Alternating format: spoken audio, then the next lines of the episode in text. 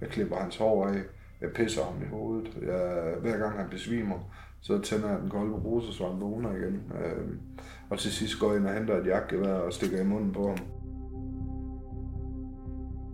Jeg sparker på sengen øh, og beder ham om at stå op. Og trækker dynen af ham, så ligger han helt blå og er død. Og der kan jeg godt mærke, der er min grænse nået. Nu er jeg ikke bare sugen, nu er jeg en fucking psykopat.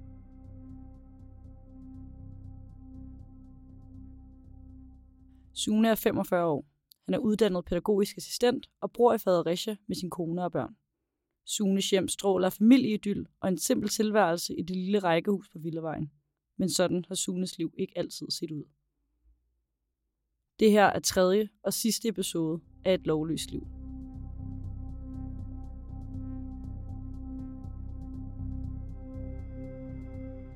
Jeg har været medlem af en supportklub til Hells Angels øh, tilbage i 90'erne, og efterfølgende har jeg været medlem af, af underafdelingen til Hells Angels i Danmark, øh, AK81, som jeg har været med til at sætte i søen, da, da det startede op i midt-nullerne. Og så har jeg set i fængsel af nogle omgange.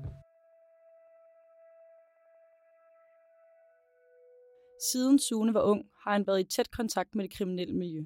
Narko, trusler, våben og biljagter blev en del af hverdagen for Sune. Det eskalerede.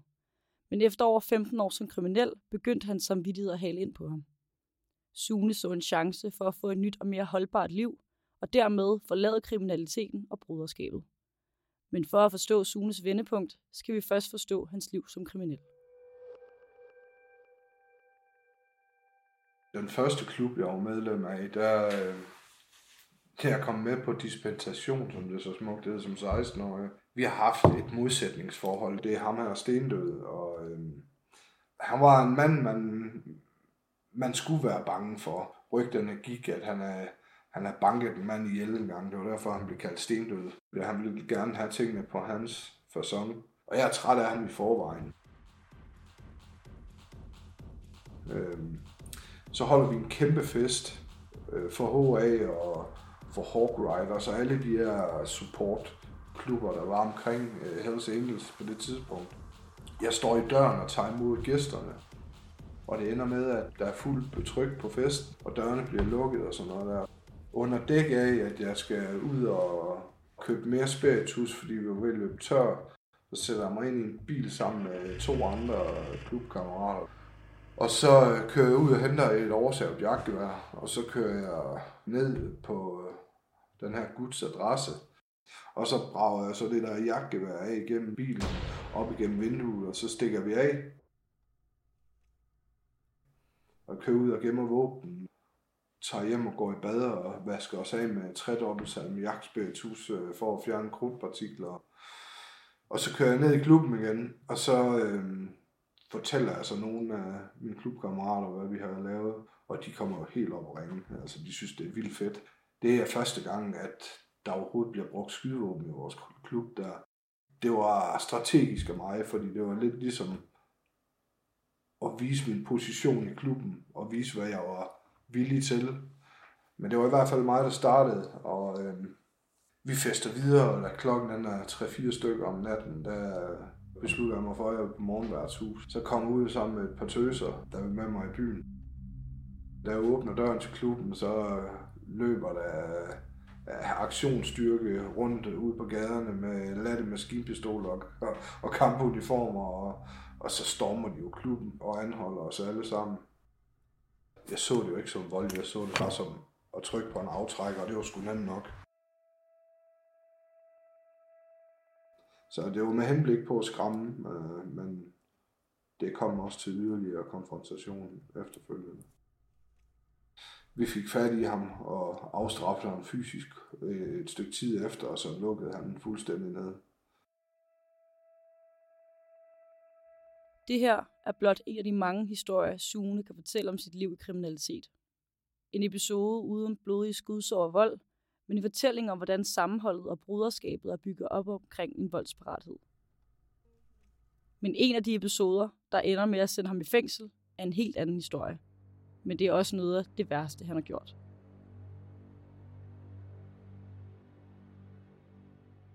Jeg blev overfaldet på et tidspunkt som 16-årig eller sådan noget. Den her øh, fyr her var nogle år ældre end mig. Han, har, han har banket mig øh, sønder sammen, sammen med en masse af hans venner, så jeg havner i en respirator og ligger på sygehuset. Øhm, to år efter, tror jeg det er, så øh, skylder han min klub penge, og så tænker jeg, nu er det på tide, at øh, jeg er hævnens time, øh, hvis man kan sige det på den måde. Og der, ham kører jo så ud og henter, og jeg holder ham øh, indespærret på et toilet, lænket til nogle vandrør, hvor jeg torturerer ham øh, i 6 timer.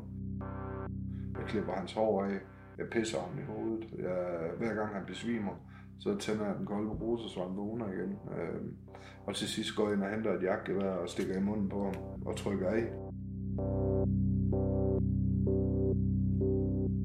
Og der er så ikke patroner i, så går jeg ind og henter patronerne, så bliver jeg så over, overfaldet øh, nærmest af mine venner øh, i klubben der.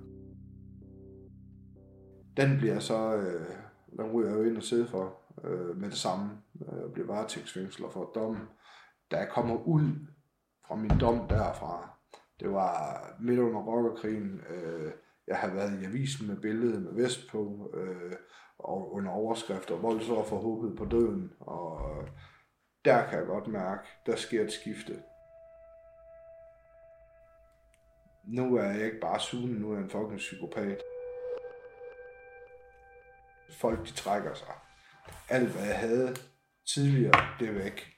Øh, og jeg kan, jeg kan se, at folk de går over på den anden side af gaden, når de ser mig, fordi at de skal ikke øh, give mig nogen mulighed for, at, og, og, at jeg skal se mig sur på dem. Øh, der sker øh, en, en kæmpe forandring der.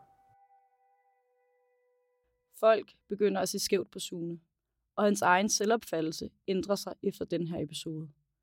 På trods af den grove kriminalitet, ser Sune også en positiv side af miljøet, som gør, at han også holder fast i det. I de unge år, der oplever jeg jo sammenholdet. Der er miljøet ikke blevet forgiftet endnu i form af rigtig hårde stoffer. Det kommer først senere hen, hvor folks øh, ærebegreber og, og tilhørsforhold er, er konstant under, hvad kan man sige, øh, udskiftning. Et ord var et ord engang, og, og man kunne regne med hinanden, og, og så var det jo en familie, som jeg selv havde valgt. Altså, jeg har haft rigtig, rigtig mange sjove timer sammen med dem, hvor vi har grinet og grædt af grin. Det har jo ikke kun været kriminalitet, der har været omdrejningspunktet. Det har jo også været et fællesskab, øh, øh, hvor man har fået anerkendelse, anerkendelse, som man ikke fik øh, alle de andre steder. Så, og så var det også en eller anden måde øh, at være fucking ligeglad med det hele. Det øh, følte jeg også var forbundet med en form for frihed. Altså, jeg øh, stod sgu ikke op øh, kl. 8 om morgenen for at passe et arbejde, eller skulle i seng på et bestemt tidspunkt, eller sad til en eller anden kedelig familiefest. Det var slet ikke mig. Altså, jeg levede og åndede for det der fællesskab, og for adrenalinen og for spændingens skyld. Altså, det var vildt fedt, øh, synes man dengang. Suen har oplevet et stort fællesskab ved at være en del af klubben AK81, og en tryghed i, at man har hinandens ryg. Men alt det andet, som hører med miljøet, begynder at blive for meget for ham, og han begynder at mærke, hvor afstumpet han selv er blevet. Min sidste tid i AK81, øh, jeg kan huske, øh, jeg har afleveret øh, nogle stoffer til, til nogen gut, øh, som jeg faktisk rigtig godt kunne lide, som han, han solgte til mig, og øh, så havde han været vågen i fire dage, og jeg var sgu lidt nervøs for, om han bare gik og brændte de der stoffer af, som, som jeg havde givet ham. Øh, det var ikke det, der var planen. Så da, da jeg hører, at han er vågen på fjerde dagen, så går jeg finder ham. Og så sidder de og sniffer sådan nogle streger ketamin. Det er altså et præparat, man bruger til at bedøve heste med. Jeg siger, er du helt væk, eller hvad? Øh, det kan man dø af. Så, så beder ham om at lette røven, og så tage med mig ned i bilen, og så kører ham ud til en af mine venner, og spørger, om han kan sove der. Men jeg kører i hvert fald om og henter ham næste dags morgen, og så øh, vækker jeg ham, eller sparker på sengen, øh, og beder ham om at stå op, går ud og ryger en smøg sammen med ham, der har huset. Og så har han ikke stået op, og trækker dynen af ham, så ligger han helt blå og er død. der kan jeg godt mærke, der får jeg sgu lidt en klump i halsen eller andet sted, fordi der får jeg lidt dårlig samvittighed. Øh, og altså, normalt viser man jo ringe til en ambulance og fortælle, at der ligger en død mand her. Men vi skulle afsøge hele det værelse der, og ham og, og bilen, for at vi kunne gøre det. Dels vil jeg gerne have stofferne igen, men øh, en anden ting var også, at jeg synes måske også, det ville være synd for hans forældre, øh, hvis han blev fundet med 100 gram kokain på sig, eller andet. Øh, da, vi har, da jeg så finder det her, så, så beder jeg ham, der har huset, nu, øh, nu kører vi, når der er gået et kvarter, så ringer du efter hjælp. Jeg skulle slet ikke være i nærheden af det. Unge mænd med gode fremtidsmuligheder bliver hævet ind i miljøet, og det påvirker Sunes samvittighed. Især en episode med en 18-årig dreng bliver hængende på Sunes nethinde. Det var jo en konfliktsituation, som man jo trak jo flere og flere mennesker ind, som måske ikke overhovedet havde øh, nogen grund til at være der. Øh, jeg havde blevet mærke i en ung gut på 18 år, som, øh, som egentlig var blevet sponsoreret af Team Danmark øh, i motocross og været europamester i motocross. Virkelig talentfuld. Øh, han var styrtet på sin øh, crossmaskine og fået en skade i skulderen, der gjorde, at han ikke kunne køre cross mere og vi trækker ham med ned i klubben. Men jeg kan jo se allerede første gang jeg ser ham, det er bare en lille dreng. Øh, det ender faktisk med, at øh, på et tidspunkt, så øh, kører den her unge mand sammen med tre andre op på McDonald's. Øh, og der ser de så en af dem, vi er i konflikt med, og de kører så tilbage for at fortælle os det. Og så får han så stukket en pistol i hånden og siger, øh, i skal likvidere ham. Og så kører de faktisk modkørende ind i McDriveren og skyder ind igennem et fyldt, øh, en fyldt McDonald's restaurant. Og han siger, at han er så bange, at han vælger at lukke øjnene og så trykke af. Så det er jo tilfældighedernes spil, at han faktisk rammer ham, han skal ramme i skulderen. Han kunne lige så godt have ramt familiefaren eller et barn eller en mor ved siden af. En ung dreng ender med en pistol i hånden på en fyldt McDonald's med uskyldige mennesker. Det var dråben, der fik glasset til at flyde over. Sune er også begyndt at se moren til sine børn, og tanken om et normalt familieliv begynder at fylde mere end broderskabet i bandemiljøet. Og der kan jeg godt mærke, der er min grænse nået. Jeg har også begyndt at se øh, øh, moren øh, til mine to ældste børn øh, og hun havde nogle børn fra tidligere forhold, og øh, det gav mig et eller andet, det gav mig noget ansvarsfølelse, at der var nogen her, som var afhængige af, at man var til stede og var der, og, og det blev sværere og sværere for mig, øh, og jeg vidste også godt på et eller andet tidspunkt, så, øh, jamen, så bliver det mig, der får en pistol i hånden og bliver sendt ud i byen for at slå et menneske ihjel, jeg overhovedet ikke kender. Altså, og øh, uanset hvor fucked op i hovedet jeg var, så øh, jeg ville have det svært ved at skulle tage, gå ud og tage livet af et menneske, som jeg ikke kender eller har haft noget, nogen som helst form for øh, kontakt til inden. Det virker meget koldblodigt. Øhm, så øh, jeg vælger faktisk at melde mig ud der. Velvidende, at det er midt i en konfliktsituation, og når det er en konfliktsituation, så, øh, så hedder det bad standing. Og øh, så sad jeg der med min store kugleramme og regnede på, om øh, hvad der var bedst, 16 års fængsel, eller tage en ordentlig røvfuld og få en dumme bøde. Så valgte jeg det sidste. Sune melder sig ud i klubben, mens HA er i konflikt. Derfor kommer han i bad standing, og han ved, at der venter ham en konsekvens.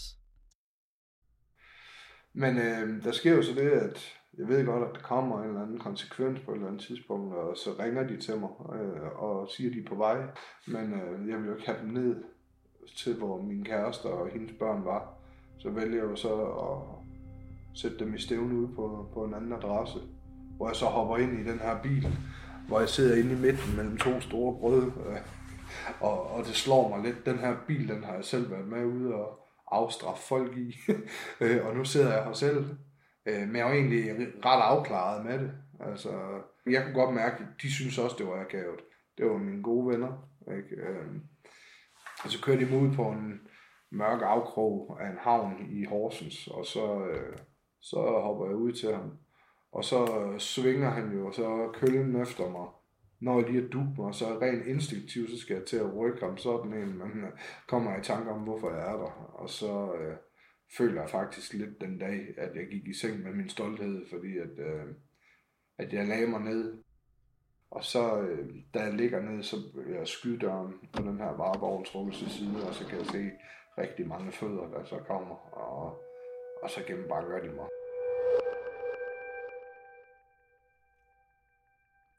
Sune ligger på jorden et afsides sted på en havn i Horsens og bliver gennembanket af tidligere klubkammerater. Men han er ikke bange, for han ved, at det er et skridt på vejen til frihed.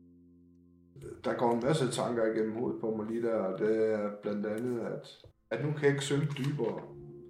Men omvendt, at jeg gør det her for at få noget bedre.